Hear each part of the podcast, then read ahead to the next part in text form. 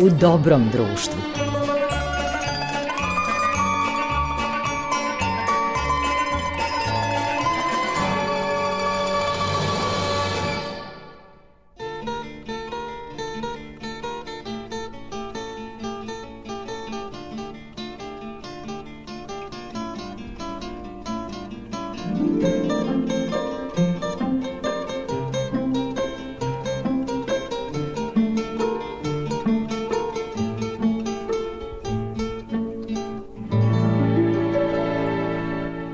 Slušalci, na pravom ste mestu, dobrodošli u emisiju U dobrom društvu prvog programa radija, radio, televizije Vojvodine. Vaš domaćin je Goran Vukčević, e, razgovor tonski uobličava Marica Jung, a danas imamo naravno dragog gosta. U pitanju je mladi reditelj Nemanja Ćeranić, čiji je film Lihvar obeležio ovogodišnju filmsku produkciju.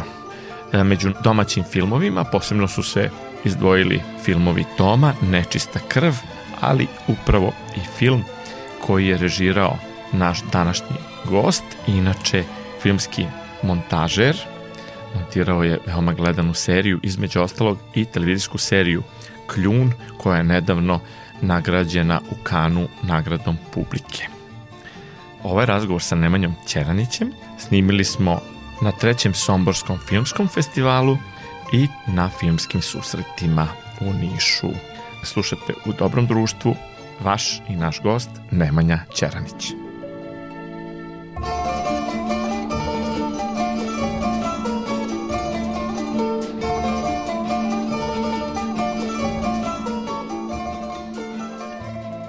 Nemanja, hvala ti što si odvojio vreme za emisiju Dobrom društvu prvog programa radija, radio televizije Vojvodine. I odmah ću da kažem, ovi zvuci koji se čuju da smo u jako prijatnom ambijentu velikog bačkog kanala pokraj samog Sombora i zaista je lepo ovde zabeležiti razgovor, a nekako eh, leto 21. u znaku između ostalog i kada je reč o domaćem filmu i u znaku i tvog filma Lihvar. To je stvari tvoj debitanski film, ali nije prvi film, je tako? Tako je, Lihvar je zapravo moj debitanski film, iako sam ja pre toga e, radio film koji se zove Volja sinovljava i koji je snimljen do pola. To je rađeno 2017. na letu u avgustu i faktički će ove godine četiri godine od tog snimanja. Zbog nezatvorene finansijske konstrukcije mi smo bili stali sa snimanjem i prosto bi trebalo se sledeće godine da se to snimanje i nastavi. Ono što svi me pitaju jeste kao kako posle četiri godine uhvatiti taj kontinuitet u samom snimanju, ali mislim da je dobra stvar ta što mi u scenariju, u samoj postavci i strukturi u prvih 50 strana koje smo snimali u Boru i koji smo taj deo je snimljen, mi imamo jednu elipsu koja se dešava 5 godina kasnije, tako da će sledeće godine augustu biti tačno 5 godina od toga, od tog protoka vremena, tako da mi to zapravo i odgovara. E, dobro je kada da, da. odgovara, da. pošto sam imao neka da. neprijatna iskustva u pogledu odlaganja u, u, u nedogled. Film Lihvar je rađen sa malim budžetom, ali ti si svoju zamisao uspeo da sklopiš tako da je to vrlo uh, lepo prihvaćeno, što, u što sam mogao i lično da se uverim na premijeri u Novom Sadu, uh mhm. -huh. kada se sve okupili protagonisti filma, svi koji su na filmu radili. Uh mhm. Kako izgleda kada jedan film koji je kriminalističkog žanra moraš da upakuješ u mali budžet? Pa pre nego što smo došli na ideju da snimamo Lihvara, nismo krenuli od žanra i to jeste bilo zanimljivo. Stvar sa Lihvarom je takva da je u startu budžet, odnosno ta finansijska konstrukcija zapravo diktirala kakva će se estetika u samom filmu praviti. Tako da i način snimanja i sama estetika filma i struktura vezana za scenariju, tako da smo dobili jednu krimi dramu, a mi smo želeli da napravimo film o dugu i nekako smo od toga počeli. Naravno, ono što je bio najveći izazov jeste što smo radili sa glumcima na turšicima, kojih ima dosta, ali ono što je zanimljivo jeste što smo ih uparili sa profesionalnim glumcima i to je bio zapravo i najteži mogući zadatak. Ono što je bila moja ideja u samom pristupu snimanja jeste da ja sam se profilisao kao reditelj koji želi da radi visoko stilizovane filmove, ali sa ovim budžetom mi to nismo mogli, tako da smo više išli na taj e, evroamerički stil snimanja, odnosno da zapravo Kao što kamera radi da, i nezavisne produkcije, tako je, recimo. tako je, da. Tako da je zapravo kamera igrala za glumce, a ne glumci za kameru. I ja sam mom direktoru fotografije Dušanu Grubinu rekao da mi nećemo praviti knjigu snimanja, inače sam čovek koji poprilično za svaki svoj projekat koji radim, da li u seriji ili ovaj svoj prvi film koji sam radio na svojim kratkim filmovima imao vozenu knjigu snimanja, a ovo je bio jedan potpuno drugačiji koncept i bilo mi je zanimljivo tako raditi. Tako da je zapravo... A za mnogi glumce, pretpostavljam, to bilo novo.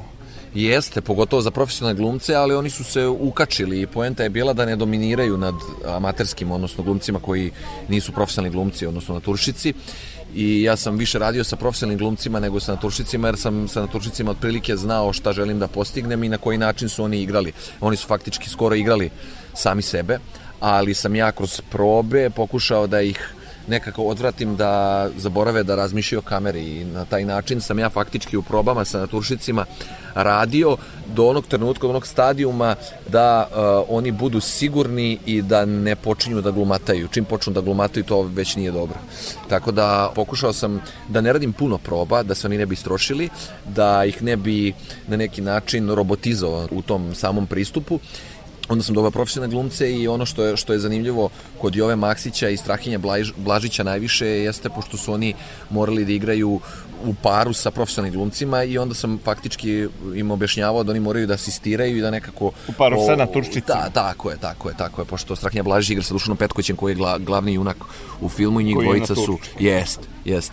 I onda sam rekao Strahinji da ne sme da ni na koji način pokaže da je on toliko kao dobar ili profesionalni glumac na taj način se to primećuje, tako da je on na neki način vodio računa, asistirao Duci i, i, i to se nekako uklopilo i dobilo je neku određenu formu koja je zanimljiva. Da, obično nisu presrećni profesionalni glumci kad treba da rade sa tako naturčicima. Je, tako je. S obzirom da znamo šta se sve prođe na akademiji. Mm -hmm.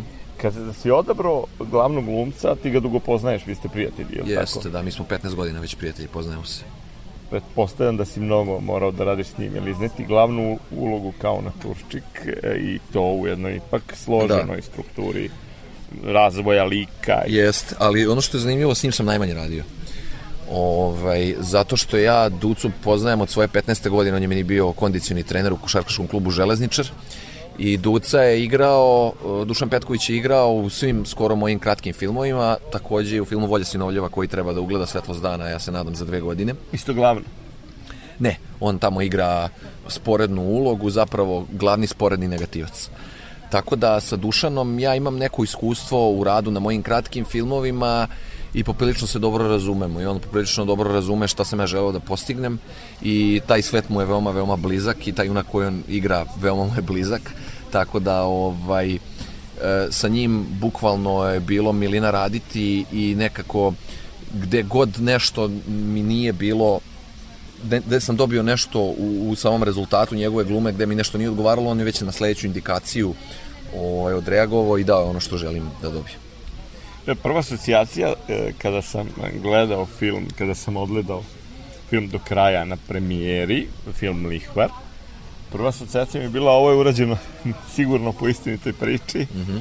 i ovo je napisao neko ko zna šta se u ovom društvu dešava.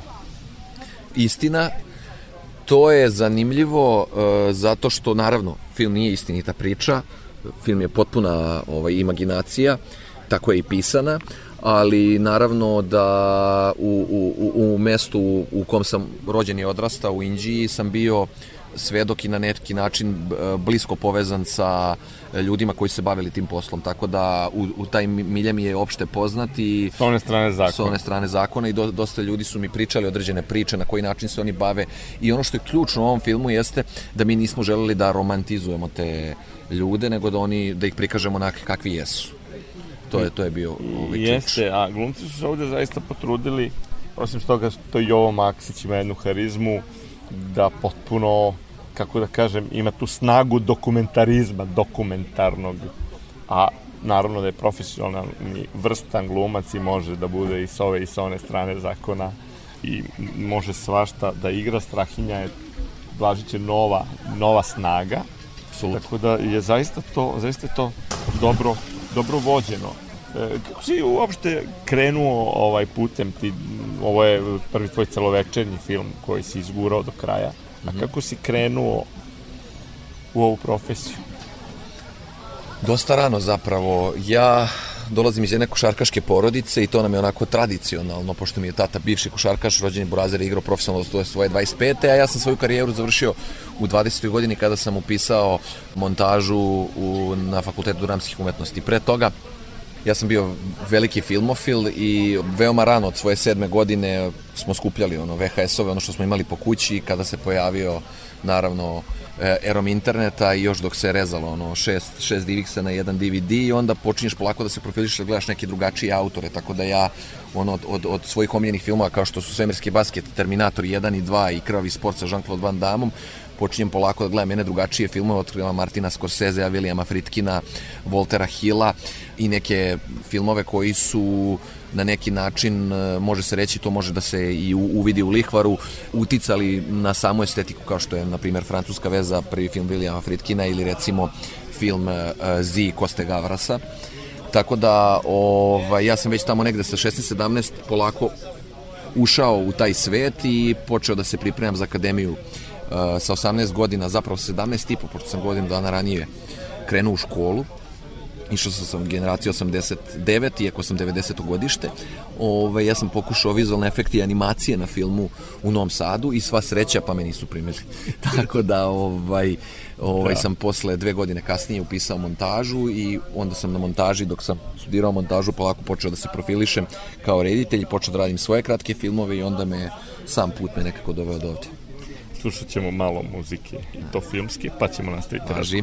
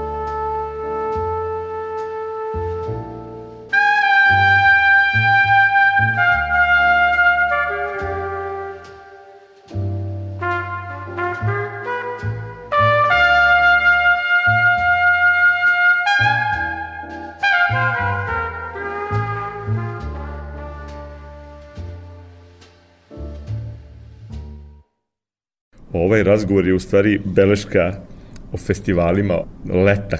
U stvari, razgovor koji smo počeli u Somboru, pored velikog Bačkog kanala, nastavljamo u Nišu.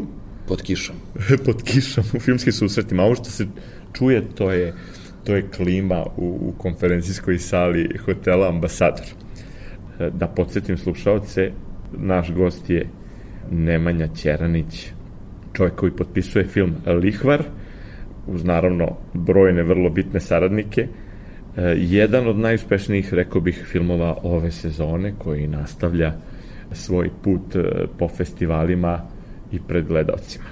Dobrodošao sad u Niš. Bolje te našao. Ovo je kao road movie, ova, Da, da, da. ova emisija. Da pomenemo u stvari te važne saradnike da bi sve to tako funkcionisalo u filmu Lihvar.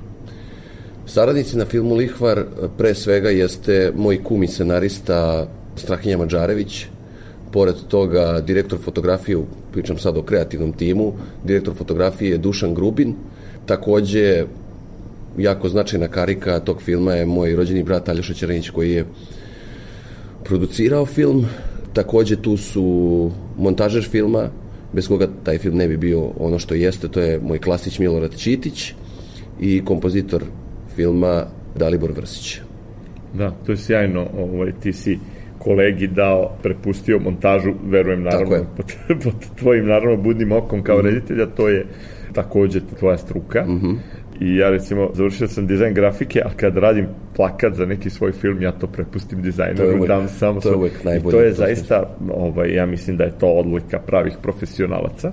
Slažem se. Zanimljivo je da ovaj film snimljen sa skromnim budžetom i da je i sa mali broj dana i u stvari mm -hmm. e, uslovi su negde diktirali i ritam filma, a e, Bogu hvala odradili su dosta i za sam film, za samu dinamiku, mm -hmm. što što je, kako bih rekao, klizav teren da se osloniš Jest. na neuslove da budu adut. Da, da, dobro si to rekao. Ovaj, zapravo budžet je diktirao estetiku i način snimanja filma, jer budžet nije bio velik. Mi smo film radili van sistema i e, podršku smo dobili na konkursu za kulturu opštine Indija. Snimali smo film 14 dana i prema nekom mom proračunu mi smo trebali da snimamo od 9 do 11 minuta montiranog materijala dnevno da bi mogao da snimim film. I faktički smo imali ukupno, kad se sve sabere, nekih sat i 45 minuta nekog graf kata filma na koji sam ja posle sveo na, na sat i po.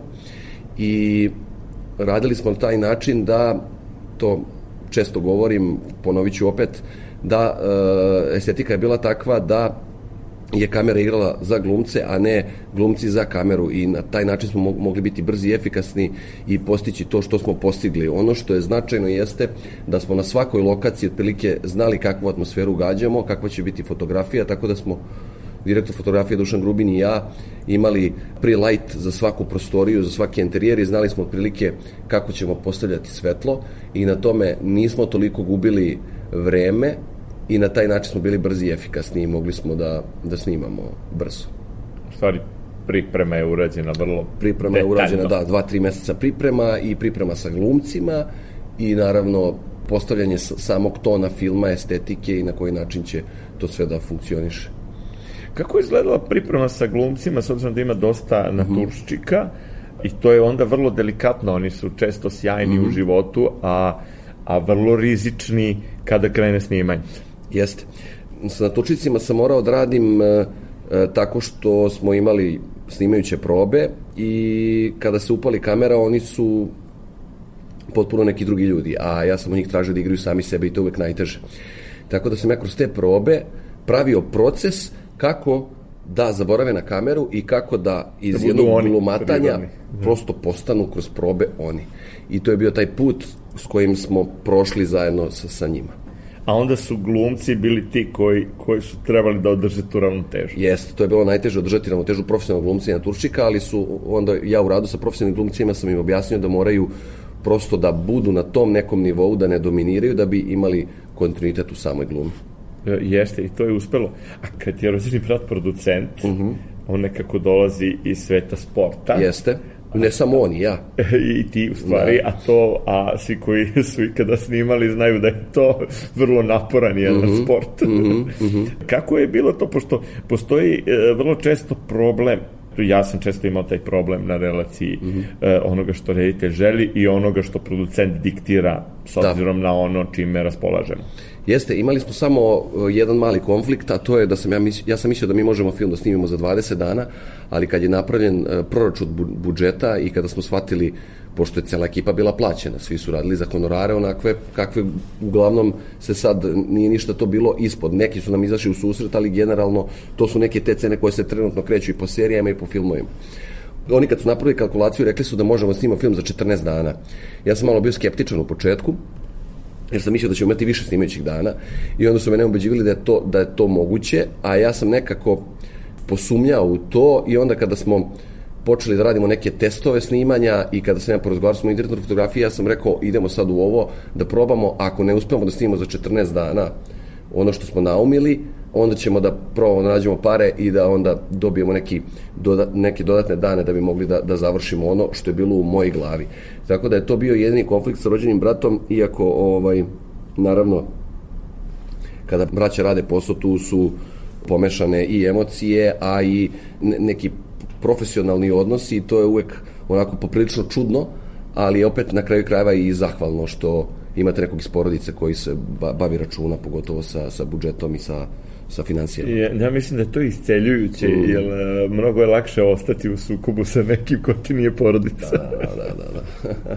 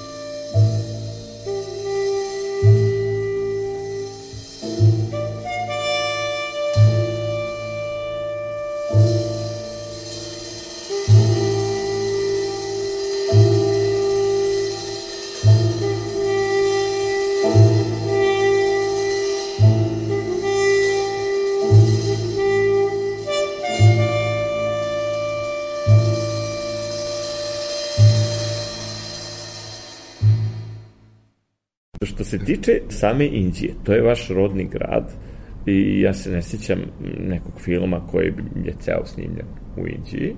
Da. Onda, tako kažem, pokazuje ipak jednu kriminogenu stranu mm -hmm. jednog gradića koje ima na čitavom našem mm -hmm. prostoru i ne samo mm -hmm. našem.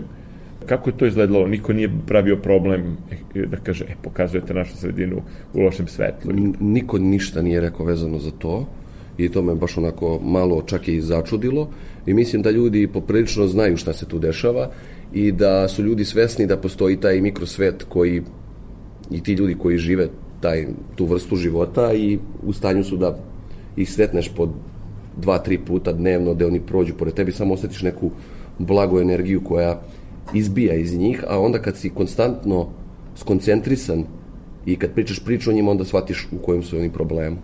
Tako da, ovaj, to je bilo zanimljivo po Indiju da ovaj, mislim, da su, mislim da je publika indijska previše romantizovala taj film, da li je to neki odbrambeni mehanizam ili pokušali su da pobegnu od istine, ali redko ko je prišao i rekao da ti se bavi jednim ozbiljnim problemom. Ali dobro lepo, to u, u Sremu da dobiješ podršku. Kako ne, kako ne. Pošto neće ni kako oni hoće. Pa da, pa da. Da, da, to je u stvari sjajno da je film e, dobro primljen u sredinu koja je nastao, obično niko nije prorok u svom mm -hmm. selu. Mm -hmm. Kako je došlo do toga da iz sporta dođeš u svet filma? To je odlično pitanje. Moji roditelji su poprilični filmofili i ja kad sam bio klinac često sam išao sa ocem i majkom u videoklub i onda ta ljubav prema videoklubu je vremenom rasla i onda kad sam došao u neki period adolescencije, uporedo sam se naravno bavio sportom počele su da se pojavljuju oni digitalni katalozi u Excelu gde smo ja i ortaci pokušavali da skupimo što više filmova, naravno u pitanju jeste piraterija. Tada internet još nije bio poprilično jak i brz da, da, mož, da možeš da skineš ili da gledaš filmove online, ali je postalo na krstarici ono čuveno razmenjivanje sa filmovima gde ti na jednom DVD-u možda nalaziš šest DVX filmova i na taj način smo mi preko krstarice trgovali DVD-ema i skupali svoju kolekciju i širili i, i polako se profilisali, profilisali svoj ukus prema filmu, tako da smo zajedno, ja, ja i moj kum Strahinja Mađalić koji je pisao scenario, smo zajedno skupljali filmove i ovaj, nekako nas je to pratilo kroz celu adolescenciju do nekih 19-20 godina kada smo odlučili da se kao filmofili ono, uđemo u taj svet. Ti si inače radio na poznatim projektima drugim na filmovima, serijama? Jesam, da. Prvi veći projekat koji sam radio bila je serija Grupa 2019. godine, koja je bila na RTS-u, doživjela svoju premijeru. Posle serije Grupa sam radio seriju, režirao seriju Švindleri, prvu sezonu.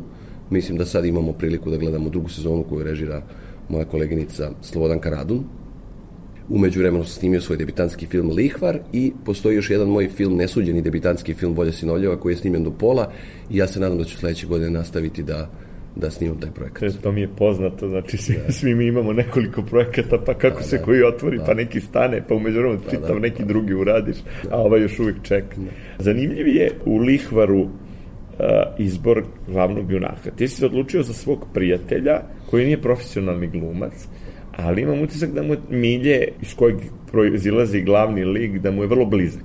Mm -hmm. Da, e, poprilično taj lik zna kakav je to milje i otprilike e, na koji način ti ljudi deluju u tom poslu. On je apsolutno bio inspiracija za, za sam scenario, iako je scenario potpuna fikcija. E, ja kad sam pokušao da napravim casting, uopšte nisam razmišljao o tome ko će to odigrati, sam znao da je pisano po njemu, tako da nam je bilo lako da pišemo otprilike na koji način će on to odigrati, nam je puno pomogao jer nam je pogotovo vezano za dijalog i za samu atmosferu i generalno ovaj, za, za film nam je pomagao tako što kaže da on to ne bi tako izgovorio ili, ili bi on e, preformulisao neku stvar u dijalogu i objasnio nam na koji način to funkcioniše jer je ima poprilično iskustva vezano za taj posao. Kao da, da pomalo uh, igra rekonstrukciju svog života na neki način da, ali opet to neka fikcija koja nema, opet nema dodirnih tačaka sa, sa njim kao takvim. S njim si radio na sličan način. Da, da, kao da. ono što smo, što kako kažem, nije, nije lako da, da nosilac čitavog filma Ne, to je bilo najteže. Nije profesionalni glumac. Jeste. To je bilo najteže i mislim da je njegov, možda bi ljudi zamerili, pogotovo široka publika, njegovu dikciju, jer on nije profesionalni glumac. Ja mislim da je to baš daje neki dodatni šmek filmu ovaj, zato što ga to čini autentičnim, jer on nije tačan u izgovoru, ima taj sremački grub glas koji je pomalo na trenutke nerazumljiv, ali je autentičan. Te neke stvari koje je on doneo u film, meni je najteže bilo kako će on da iznese tu emociju, on je zapravo emotivno i kad nema dijaloga, on se poprilično lepo snašao tu. Tako da je on čovek za vreme snimanja postao glumac. Jeste, i on ovaj, igra to nekako dokumentarno. Jeste, jeste. A, a glumci koje si odabrao su e, to, to podržali. Ovo Maksić je isto glumac koji nosi neku dokumentarnost. Apsolutno, ali takođe i stilizovan. Njegov lik je najviše stilizovan u filmu. To je lik koji nema pozadinu, mi ne znamo, nismo ušli u njegovu intimu. On je više tu kao neki nemi posmatrač.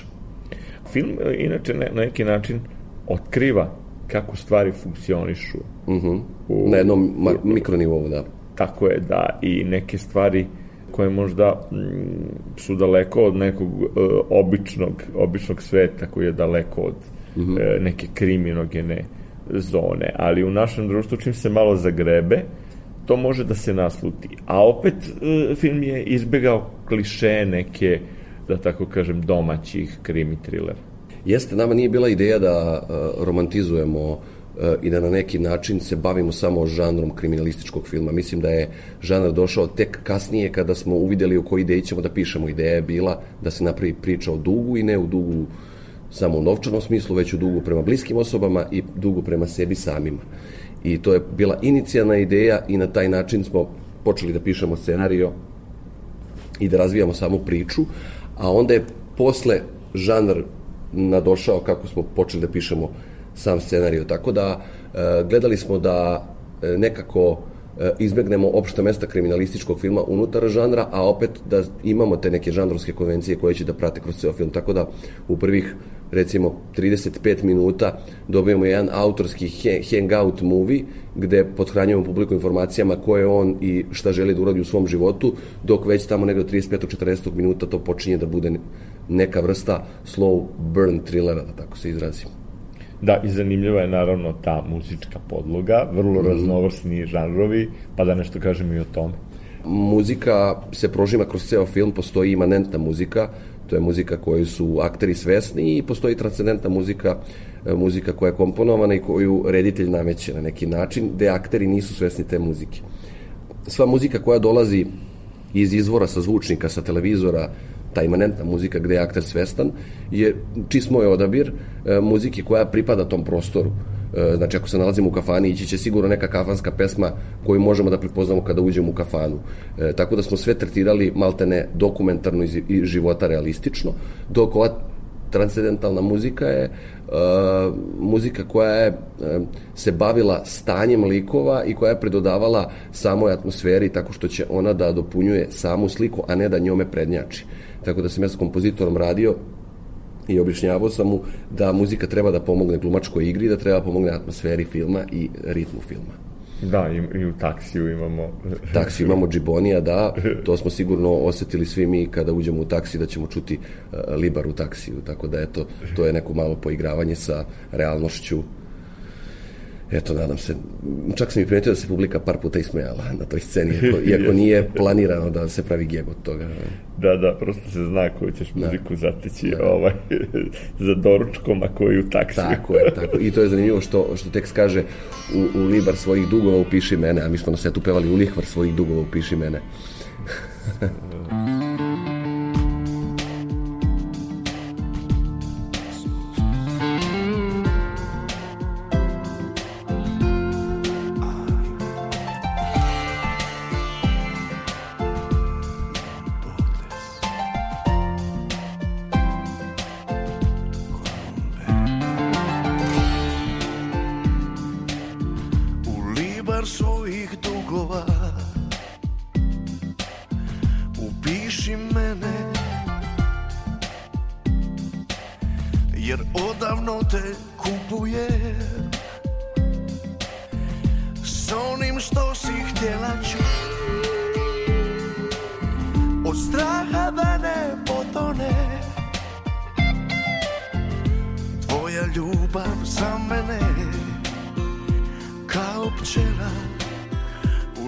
osjećaja dok drži da.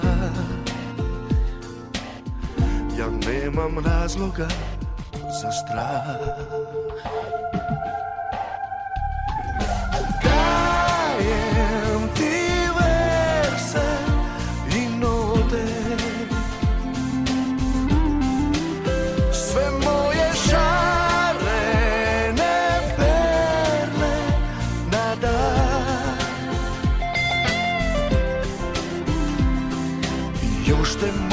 pjesmom kupiti. Lukavo i slatko rječilo Još uvijek mogu ti podvaliti.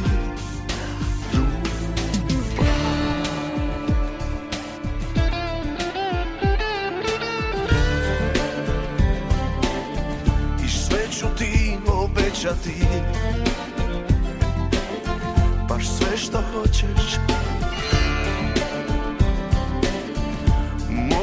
Kožu, moju kost. Sve koje poželiš. Od straha da ne potone. Tvoja ljubav za mene. Kao pčela u žlici čaja. Dok drži dan. Ja nemam razloga za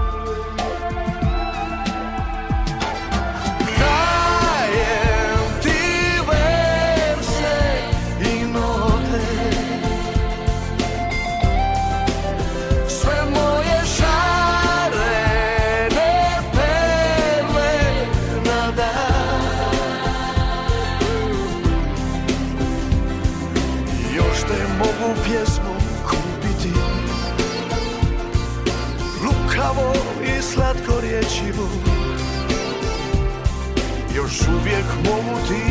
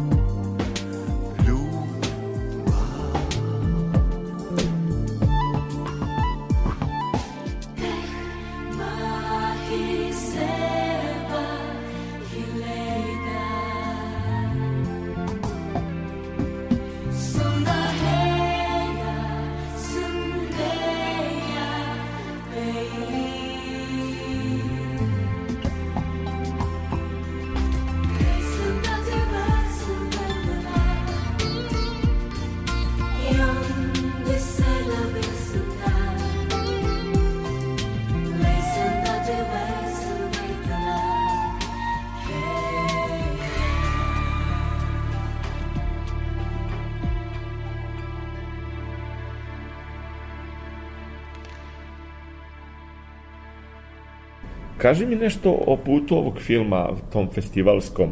Da. I uopšte, ovo je malo vreme, delikatno mislim da nam ne ide na ruku, e, dosta festivala se odvija i samo online i nekako autori naravno imaju dodatne probleme da snimaju, te ti si počeo prvog dana vanrednog stanja snimanje, Jest. pa ste posle to prekinuli. Dva pa... meseca, da.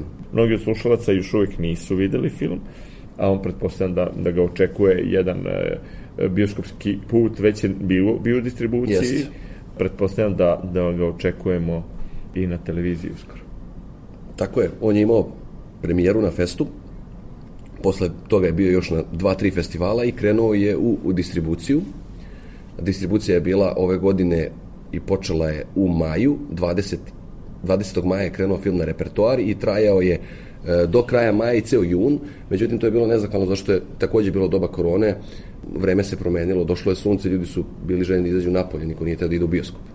Tako da, zanimljivo je da je ovaj film uglavnom postoji ta ne, neki put filma gde posle festivala jedno godinu dana ti pustiš film u bioskop i na repertoara. A kod nas je to očigledno bilo obrnuto i evo sad film posle repertoara kada je jun prošao, on takođe, on i dalje živi svoj festivalski život i ja mislim da će ga živi do kraja godine. A krajem godine nas očekuje TV premijera na RTS-u. Koliko sam saznao, RTS bi teo da ga e, emituje bukvalno za, za 31. decembar. A nisi razmišljao o svojoj franšizi kao što se to dogodilo kolegi Avramoviću sa južnom, južnim vetrom? Da se pretvori u franšizu. Pa ne, mi smo imali neku ideju da napravimo antologijsku seriju kao ideju, gde bi, ako bi se pravila ova vrsta serije, naravno ne bi se zvala Lihvar serija, u svakoj epizodi bi pratili drugačiji junaki, tako da bi, recimo, možda prva epizoda bila o doktoru Kockaru, koji se pojavljuje u epizodi gde on leči samog lihvara, pa pratimo njegove neke probleme. Onda u drugoj epizodi možda bi pratili priču o narkomanima, u trećoj priči bi pratili uh, najboljeg uh, prijatelja Mudirovog Ramljana, koji ima neke svoje probleme i na taj način bi se skoncentrisali na taj mikrouniverzum i to bi faktički bilo osam mini priča. Kao kod Kristofak Šlovskog, Šlovskog da bude Kaluguna. Tri boje. I tri boje, da. Da, da, recimo što je, što je naravno e, vrlo zanimljivo. Šta je ono što je inače osim, osim trilera, osim kriminalističkog žanra, šta je ono što je inače tvoja šolja čaja kad su u pitanju filmovi i serije? I ono što je bilo iz kuće, pošto ste spomenuo da, da, da, da, da, bili da. filmofili. Pa da, ja, ja uvek krećem od Amerike, meni je američka kinematografija oblikovala moj ukus i na taj način me profilisala, tako da sam ja dete novog Hollywooda i najviše volim autore koji su radili 70-ih i 80-ih u Hollywoodu. Jedan od omiljenih reditelja su apsolutno uh, Walter Hill, uh, Brian De Palma, uh, William Friedkin, John Carpenter, tako da, naravno, Coppola. Na taj način sam ja su gledajući te autore i, i, i obožavam filmove tih autora. A što se tiče mene, ja se nadam da nije da sad mogu nešto pretrano da biram ako me zovu za seriju, uglavnom sam angažovan kao reditelj, ali recimo da, da bi da bi mi pošto sam sad uradio Lihvara, recimo, bilo bi mi zanimljivo da uradim neki avanturistički film, iako je to dosta ambicioznije i sa većim budžetom. Ovaj, takođe bi... I nije kod nas toliko zastupljen. Zastupljen, da. Recimo, avanturistički film bi zanimljiv. Takođe bi isto volao da uradim i, i, i horror, tako da imamo neku ideju, recimo, za, za jedan found footage ratni horror film koji sad razvijamo trenutno. Šta bismo još mogli da kažemo u zaključku ovog razgovora? Pa ništa, meni... Ima nešto što te nisam pitao, a možda bi bilo zanimljivo da pomenemo, ne samo što se tiče lihvara, nego što se tiče uopšte Pa meni je drago da smo se ja i ti pre svega upoznali u Somboru. E, da, meni je to I da je ovo početak jednog divnog prijateljstva. ja u to zaista iskreno verujem, zato što sam ovaj, e, kod tvog brata Aljoša i kod tebe našao tu neku, kako kažem, dobronamernost. Mm -hmm. I ljudi se nekad u ovom poslu ponesu, mm -hmm. pa malo napumpaju ego Jest. i ja mislim da je to uvek pogubno po njih same. Jest. Jest. I, I divno je kad se ljudi druže i kad nekako, kao i u ovom filmu, e, i ono što je moj profesor Vlatko Gilić uvek podcrtavao, prava dela su ona koja su svedena i gde samo uprošćuju stvari, a ne, ne kinđuriš ih. Mhm. -huh. Kao i u životu što, recimo, ne znam, na Svetoj Gori najviše poštuju da je monah što prostiji, u smislu što jednostavniji, uh -huh. da je mhm. to najveća najveća vrlina i ja mislim da. sačuvati jednostavnost. Jednostavnost, da. A imao sam imao sam prilike da upoznam i Francisa Forda Coppola i Olivera mm -hmm. Stonea